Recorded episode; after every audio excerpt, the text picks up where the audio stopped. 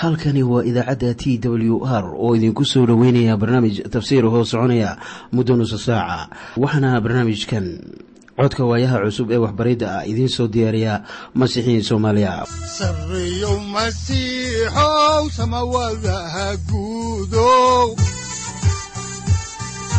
Siraadkii adduunkow subanaha eebow sareyow masiixow samawadaha guudow siraadkii adduunkow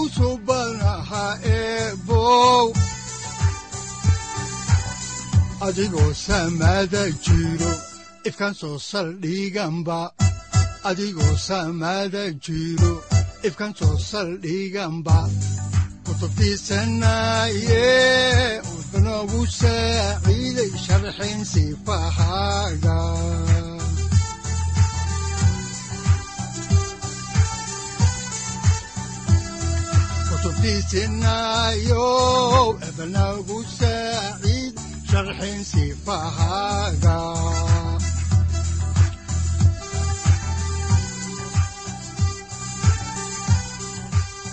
ku soo dhowaada dhegaystayaal barnaamijkeenna dhammaantiinba waxaan horay u sii ambaqaadi doonnaa daraasaadkii la magac baxay baibalka dhammaantii.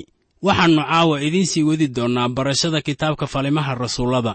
Kitaabka falimaha rasuullada waa kitaab taariikhi ah oo ay tahay in qof waliba wax uu ka barto si uu ku garto taariikhda kitaabka ahdiga cusub. Waxaanan caawa idiin bilaabi doonnaa cutubka labaatanaad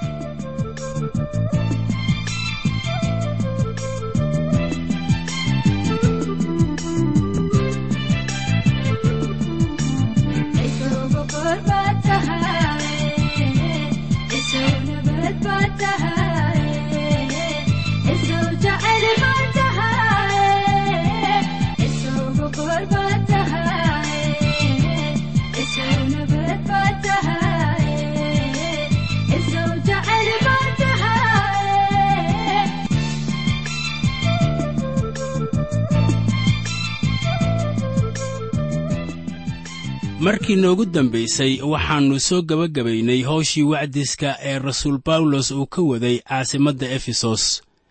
Waxaanan soo aragnay inuu farageliyey kuwii faa'iidada ka heli jiray macbudkii karaahiyada ahaa ee la odhan jiray macbudkii diyaana diyaanadaasuna ma ahayn tii giriigta laakiin waxay ahayd mid ay caabudaan dadkii bariga. Haddaba cutubkan waxa uu ku soo dhammaaday lugtii saddexaad ee bawlos uu ku marayey aasiyada yar iyo howshii uu ka waday efesos. Haddaba khibraddii uu ka helay efesos kadib bawlos wuxuu horay u sii aadayaa masedoniya oo uu kaga gudbayo filiboy.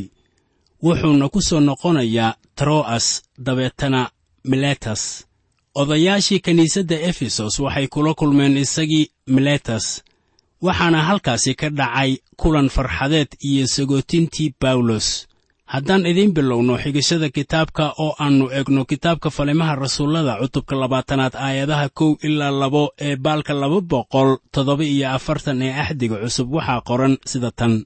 Markii rabshadii ay dhammaatay dabadeed bawlos ayaa xertii u ciddiray oo dhiirogeliyey markaasuu nabadgelyeeyey uu baxay inuu masedoniya tago oo kolkuu meelahaa sii dhex maray oo uu hadal badan ku dhiirogeliyey iyagii ayuu wuxuu yimid dalka giriigta waxa haddaba taasu ay ka micno tahay inuu mar kale booqday atenes iyo korintos haddaan xigashada kitaabka halkii idinka sii wadno oo aan eegno kitaabka falimaha rasuullada cutubka labaatanaad aayadaha saddex ilaa afar waxaa qoran sida tan.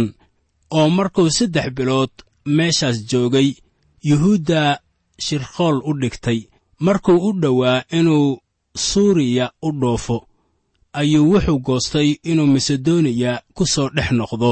Waxaana isagii ilaa aasiya sii raacay sobater ina burhas oo reer beroya ah iyo aristarkhos iyo sekundos oo reer tesalonika ah iyo gayos oo reer derbe ah iyo timotayos iyo tukhikos iyo trofimos oo reer aasiya ah. Raggan halkan lagu magacaabay waxay ahaayeen kuwo rumaysan hadalka waxaanay u yimaadeen ciise masiix kadib markii bawlos uu ku wacdiyey hadalka. Markaana halkan waxaa ugu yimid bawlos wufuud aan yareen. Raggan waxay noqdeen iyaga qudhoodu kuwa hadalka la wadaaga dad fara badan. Waa inaan maanka ku hayno markii bawlos uu marayey dhulka griigta iyo masedoniya wuxuu booqday kiniisado oo uu halkan ka aasaasay wuxuu kaloo sii marayey atenis iyo korintos tesalonika iyo weliba beroya iyo filiboy. Markaa wuxuu dib ugu noqonayaa kiniisadihii uu soo aasaasay ee yurub. Markan ee uu ku jiro lugtiisii saddexaad ee safarrada wacdiska injiilka iminkana waxaannu soo gaarnay maaddada ku saabsan bawlos oo jooga tro'as. Waxaad xusuusan karaysaan in tro'as ay ahayd halkii bawlos uu ka soo galay dalka yurub markii ee uu ku jiray lugtiisii labaad ee safarrada wacdiska injiilka wuxuu haatan yimid tro'as mar kale waana markii ugu dambaysay haddaan eegno kitaabka falimaha rasuullada cutubka labaatanaad aayadda shanaad ayaa waxaa qoran sida tan.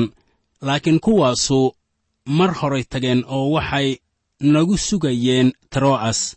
Marka la leeyahay nagu sugayeen ayaa waxaa bawlos la socda haatan ditorlukos marka kuwii kalena ay tro'as uga sii hormareen waxay haddaba kooxdanu ahaayeen niman isku xidhan oo la shaqaynaya bawlos oo ragganina horay bay ula shaqayn jireen rasuul bawlos markii bawlos uu ka waday wacdiska magaalada korintos way ka durkayeen oo waxay iyana kiniisado ka samaynayeen meelaha magaalada ka baxsan iyo tuulooyinka. Waxaannu ka akhrinaynaa warqaddii rasuul bawlos uu u qoray dadka kolosai wax ku saabsan hadalladii ilaah inay gaareen dadkii hoos joogay xukuumadda reer rooma ee ahaa dunidii ilbaxda ahayd. Waxaan halkan ka ogaanaynaa inay jireen rag kale oo la shaqayn jiray rasuullada. Kitaabka falimaha rasuullada wuxuu tixraac ku samaynayaa hawshii butros iyo rasuul bawlos oo ahayd mid aad u weyn. Butros oo ahaa rasuulkii dadka yuhuudda ah iyo bawlos oo ah rasuulkii dadka aan yuhuudda ahayn ayaa si weyn looga faalloonayaa. Waxaanan inta ku arkaynaa safarro lagu wacdinayo injiilka oo xadidan haddaan horay idinku sii wadno xigashada kitaabka falimaha rasuullada oo aan eegno aayadda lixaad ee cutubka labaatanaad ayaa waxaa qoran sida tan maalmihii iiddii kibistii aan khamiirka lahayn dabadeed waxaannu ka dhoofnay filiboy oo shan maalmood ayaan iyagii ugu nimid tro'as taasoo aannu toddoba maalmood joognay. Waa wax xiise leh in safarkaasu u qaatay ilaa iyo shan maalmood waayo iminka wuxuu kugu qaadanayaa konton daqiiqadood. War muxuu horu maray gaadiidka aynu maanta haysanno laakiin waxaad mooddaa in howlaha aynu masiixa u qabanayno inayna kuwo wax ku ool ah ahayn.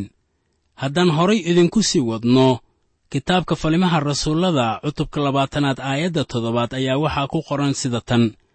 Maalinkii ugu horraysay ee toddobaadka markaannu isugu nimid inaannu kibis jejebinno ayaa bawlos uu la hadlay iyagii isagoo ku tala jira inuu maalintii dambe tago hadalkiina ilaa habeen barkii ayuu sii dheereeyey. Waxaa haddaba jira waxyaabo badan oo aan doonayo inaan xaalkan ka idhaahdo waxaan doonayaa inaad maanka ku haysaan inay tahay maalintii koowaad ee toddobaadka markii ay isku yimaadeen. Waxaannu haynaa qoraal ahaan in kiniisaddii hore ay kulmi jirtay oo keliya maalinta koowaad ee toddobaadka oo reer banu israa'iil u ahaan jirtay ilaa iyo iminkana u ah axadda. Bawlosna wuxuu u sheegay dadka reer korintos inay hadiyadahooda bixiyaan maalinta koowaad sida ku qoran warqaddiisii koowaad cutubka lix iyo tobanaad aayadda labaad. Waxaan arkaynaa in aayadda toddobaad ee cutubkan labaatanaad ay leedahay inaannu kebis jejebinno waxaana ay ahayd maalintii koowaad ee toddobaadka waxaana taasu ay ka micno tahay inay xusuusnaayeen cashadii rabbiga ee maalinta axadda la qaban jiray. Welibana bawlos wuxuu dadka wacdiyi jiray maalmaha axadda. Kiniisaddii horena waxay kulmi jirtay maalinta koowaad ee toddobaadka oo ah isla maalinta axadda. Maalintaasuna waa muhiim waayo waa markii sayid ciise masiix dhimashada uu ka sara kacay. Wakhtiyadii axdigii hore maalinta toddobaad ayaa muhiim ahaan jirtay oo ah maalinta sabdida hase yeeshee ciise masiix wuxuu dhintay maalin sabdi ah. Waxaa haddaba taasu ay ka micno tahay inuu dhimashadii ka sare kacay maalin axad ah. Kiniisaddana waxaa lagu kulmaa maalinta axadda waayo waxaannu haatan ku xidhannahay masiixa nool. Taasina waxay ahayd maalintii koowaad ee toddobaadka. Iminkana waxa kale ee xiisadda leh ayaa waxay tahay inuu bawlos ka tegayo iyaga maalinta xigta.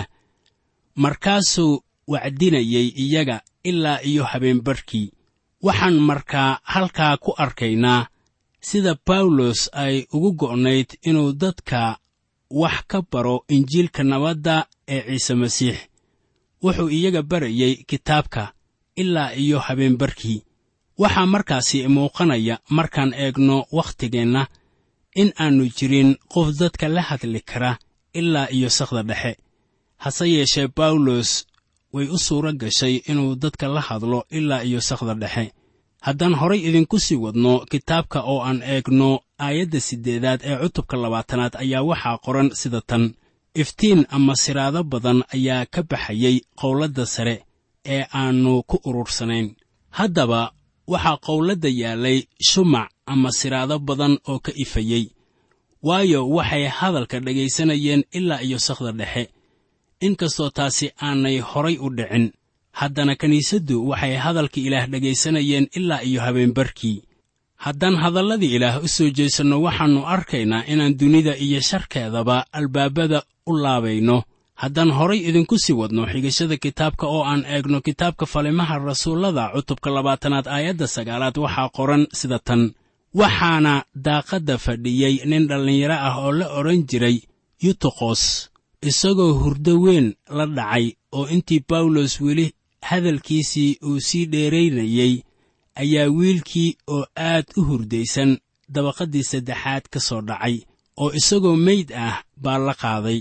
Haddaba waxaan qirayaa in khibradihii bawlos uu la kulmay ay innaga oo dhan inoo keenayaan qalbiqaboojin sidaan arki doonno. Haddaba yutuqos miyaad arkaysaan inuu dhintay? Waxaa laynoo sheegayaa inuu seexday oo uu quurinayey markaasuu ka soo dhacay dabaqadda saddexaad. Markaana xaajada ciyaar way ka baxday. Haddii tanu ay ahaan lahayd ugu dambaysta waxaan odhan lahayn masiibo ayaa halkaasi ka dhacday laakiin waxaad ogaataa waxa dhaca haddaan horay idinku sii wadno kitaabka falimaha rasuullada aayadaha toban ilaa laba-iyo toban waxaa qoran sida tan.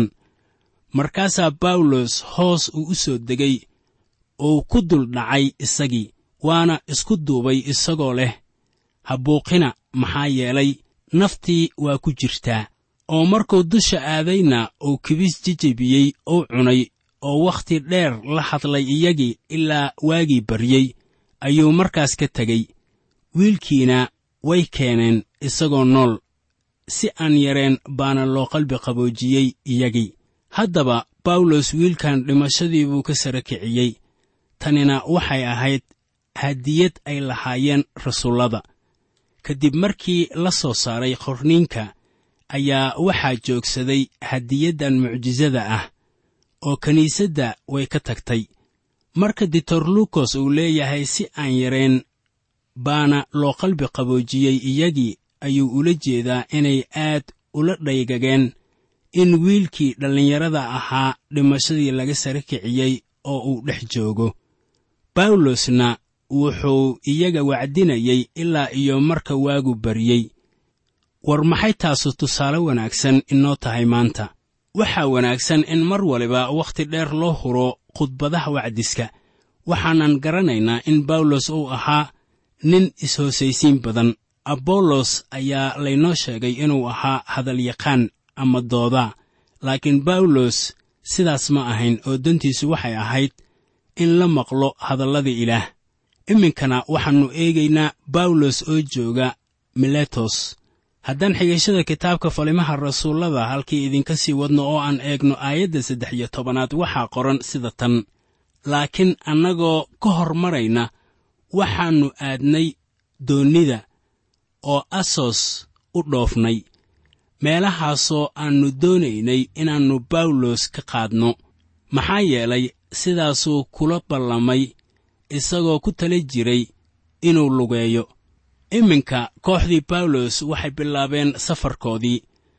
Ditorlukos iyo kooxda inteedii kale ayaa waxay u dhoofeen asos laakiin bawlos uu lugaynayey maxay kula tahay inuu bawlos sidaas u yeelay? Waa hagaag. Waxaan hubaa intaasu ay ka micno ahayd inuu doonayey inuu dadka jidka kula kulmo oo uu wax uga sheego masiixa. Haddaan horay idinku sii wadno oo aan eegno aayadaha afar iyo toban ilaa shan iyo toban ayaa waxaa qoran sida tan.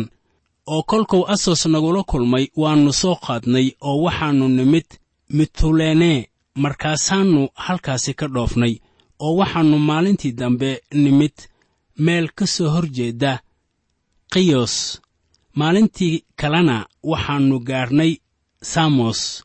Maalintii ku xigtayna waxaannu nimid miletos.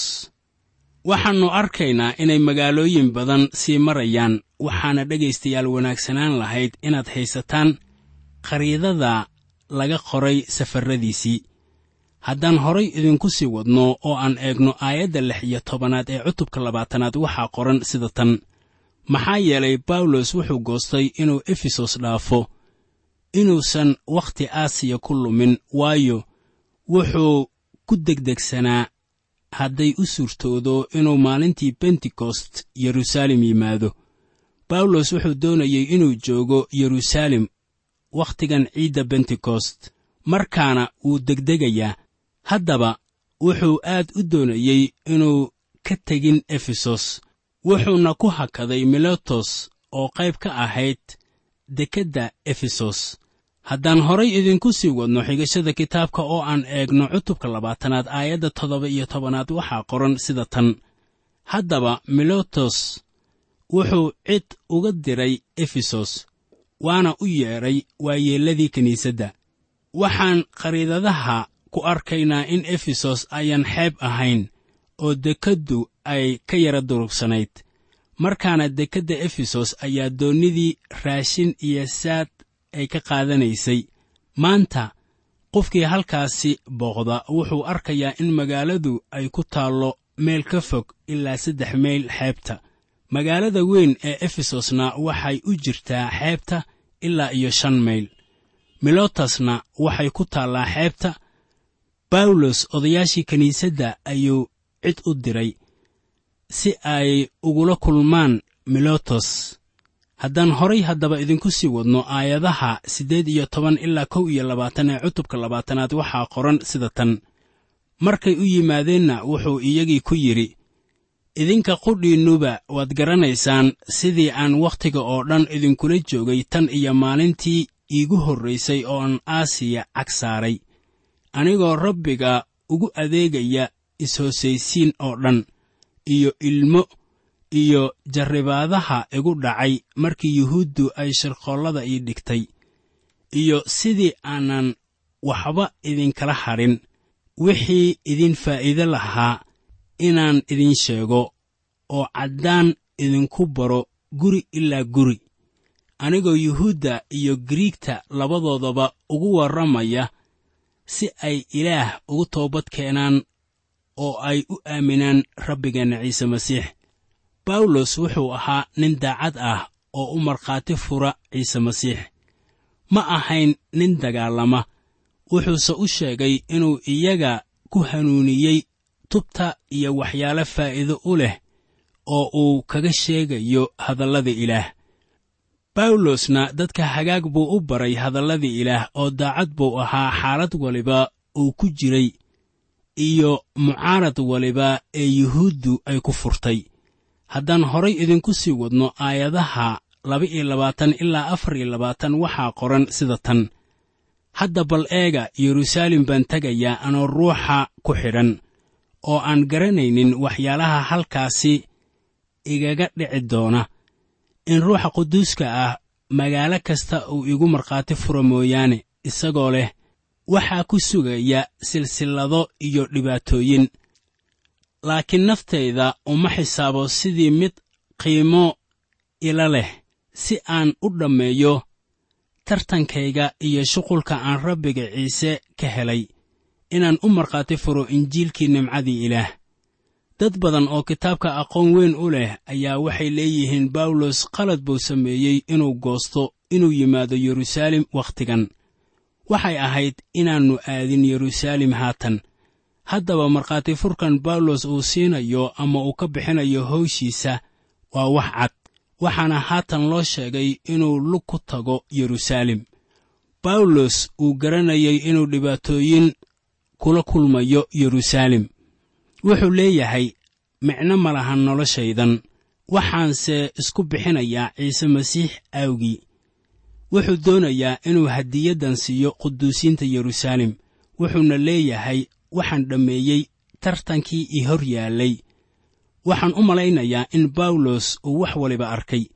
Haddaan horay idinku sii wadno oo aan eegno kitaabka falimaha rasuullada cutubka labaatanaad aayadaha shan iyo labaatan ilaa toddoba iyo labaatan waxaa qoran sida tan hadda bal eega waxaan ogahay in dhammaantiin oo aan ku dhex wareegi jiray oo aan boqortooyada ku wacdiyi jiray aydnaan mar dambe wejigayga arki doonin. Sidaas daraaddeed waxaan maanta idinku warramayaa inaan daahir ku ahay dadka oo dhan dhiiggiisa. Maxaa yeelay dib ugama noqon inaan talada ilaah oo dhan idiin sheego haddaba bawlos wuu garanayay inuu kol dambe arkaynin dadka reer efesos. Bawlos wuxuu kaloo garanayay inuu si daacad ah ugu sheegay waxyaalaha ku saabsan hadallada ilaah. Haddaan horay idinku sii wadno kitaabka falimaha rasuullada aayadda siddeed iyo labaatanaad waxaa qoran sida tan. Qudhiinnu isjira idahana jira. Kuwaasoo ruuxa quduuska ahu uu idinka dhigay beeldaajiyayaal inaad daajisaan kiniisadda ilaah oo uu dhiiggiisa ku iibsaday. Tanina waa hawsha ay leedahay saraakiisha kiniisadda. Ma ahan inay kiniisadda maamulaan laakiin inay eegaan in kiniisadda lagu nafaqeeyo hadalladii ilaah. Haddaan horay idinku sii wadno aayadaha sagaal iyo labaatan ilaa soddon ee kitaabka falimaha rasuullada cutubka labaatanaad waxaa qoran sida tan waxaan ogahay markaan tago dabadeed inay idin dhexgeli doonaan uubatooyin xunxun iyagoo aan idaha wax ka reebaynin oo waxaa idinka dhex kici doona niman waxyaalo qalqalloocan ku hadlaya inay xertii u jiitaan xaggooda. Sidaas darteed soo jeeda idinkoo xusuusanaya in intii saddex sannadood ah aanan ka joogsan inaan mid kasta habeen iyo maalinba waaniyo anigoo ilmaynaya haddaba khibradaha bawlos uu ka hadlayo waa kuwo xitaa haatan taagan. Shayddaanku wuxuu doonayaa inuu dadka ka dhufsado waxbaridda ilaah oo wuxuu baabbi'iyaa howlaha wanaagsan ee ilaah dadka lagaga dhex wacdinayo. Wuxuu markaasi reer efesos u sheegayaa in tanu ay ku dhici karto iyaga. Haddaan horay idinku sii wadno oo aan eegno cutubka labaatanaad kitaabka falimaha rasuullada aayadaha kow iyo soddon ilaa laba iyo soddon waxaa qoran sida tan. Sidaas darteed soo jeeda idinkoo xusuusanaya in intii saddex sannadood ah aanan ka joogsan inaan mid kasta habeen iyo maalinba waaniyo anigoo ilmaynaya iminkana waxaan idinku ammaano gelinayaa ilaah iyo hadalka nimcadiisa kaasoo kara inuu idin dhiso uu dhaxal idinka dhex siiyo kuwa quduus lagaga dhigay oo dhan. Wuxuu sidaan arkayno ku ammaanogelinayaa ilaah iyo hadalka nimcadiisa taasina waa waxa aynu samayn karayno markaan la dardaarmayno wehelnimada masiixiyiinta. Weli waxaan bartamaha kaga jirnaa kitaabka falimaha rasuullada cutubka labaatanaad aayadaha saddex iyo soddon ilaa afar iyo soddon waxaana qoran sida tan. Ma aanan damcin ninna lacagtiis ama dahabkiis ama dharkiis. Idinka qudhiinnu waad og tihiin inay gacmahanu u adeegeen waxaannu u baahnayn aniga iyo kuwii ila joogayba. Bawlos ma ahayn nin damaaci ah oo lacagdoon ah. Wuxuu hawsha u samaynayey si uu gacan uga geysto qudhiisa iyo kuwii la socday. Haddaan horay idinku sii wadno kitaabka falimaha rasuullada cutubka labaatanaad aayadaha shan iyo soddon ilaa siddeed iyo soddon waxaa qoran sida tan. Wax walba waan idin tusay si ay waajib idinku tahay. Idinkoo sidaas oo kale u howshoonaya inaad caawisaan kuwa itaalka yar oo aad xusuusataan hadalladii rabbi ciise masiix. Siduu isaga qudhiisu yidhi in wax la helo waxaa ka baraka badan in wax la bixiyo. Markuu waxaasi ku hadlay dabadeed ayuu jilbo joogsaday uu la tukaday dhammaantood. Markaasay kulligood aad u wada ooyeen oo bawlos qoorta kaga dhaceen oy dhunkadeen. Iyagoo sida badan ka calool xun hadalkuu ku hadlay oo ahaa inayan mar dambe wejigiisa arki doonin. Markaasay si ambabixiyeen isagii ilaa doonnidii taasina waa kulan muxubbo iyo jaceyl ku dhammaaday oo dhex maray bawlos iyo madaxdii kiniisaddii efesos.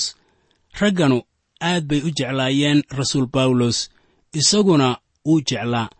Waa wax calool xumo miidhan ah in qofka caynkaas ah uu tago isagoo garanaya inaannu arki doonin inta uu nool yahay raggaas reer efesos mar kale. Waxaanay sagootiyeen iyagoo calool xun. Bawlosna wuxuu ahaa nin daacad ah.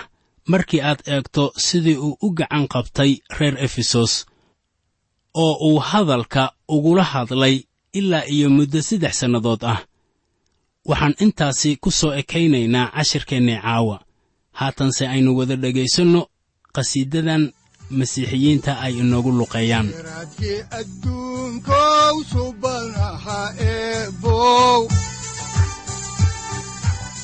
adigoo samaada jiro ifkan soo saldhiganba adigoo samaada jiro ifkan soo saldhiganba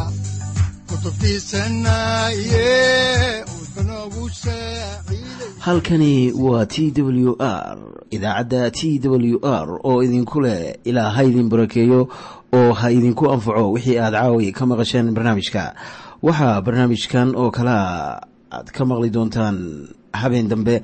Hadahan oo kale haddiise aad doonaysaan in aad fikirkiina ka dhiibataan wixii aad caawi maqasheen ayaad nagala soo xiriiri kartaan som t w r at t w r c o k e haddii aad doonaysaan in aad dejiisataan oo kaydsataan barnaamijka ama aad mar kale dhegaysataan fadlan mar kale booqo www t w r o r g amase www t t b t w r o r g amase waxaad teleefoonkaaga ku kaydsataa ama ku download garaysataa agabyada ku sahli karaa dhegeysiga t w r haddii aad doonayso in laga kaalmeeyo dhinacyada fahamka kitaabka amase aad u baahan tahay duco fadlan fariimahaaga soo mari bogga aaraahda ama kommentska inana jawaab degdeg ah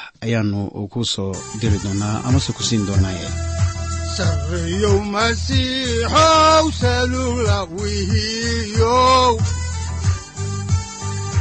saacadda timid dhulka sabada ku dhalatiyo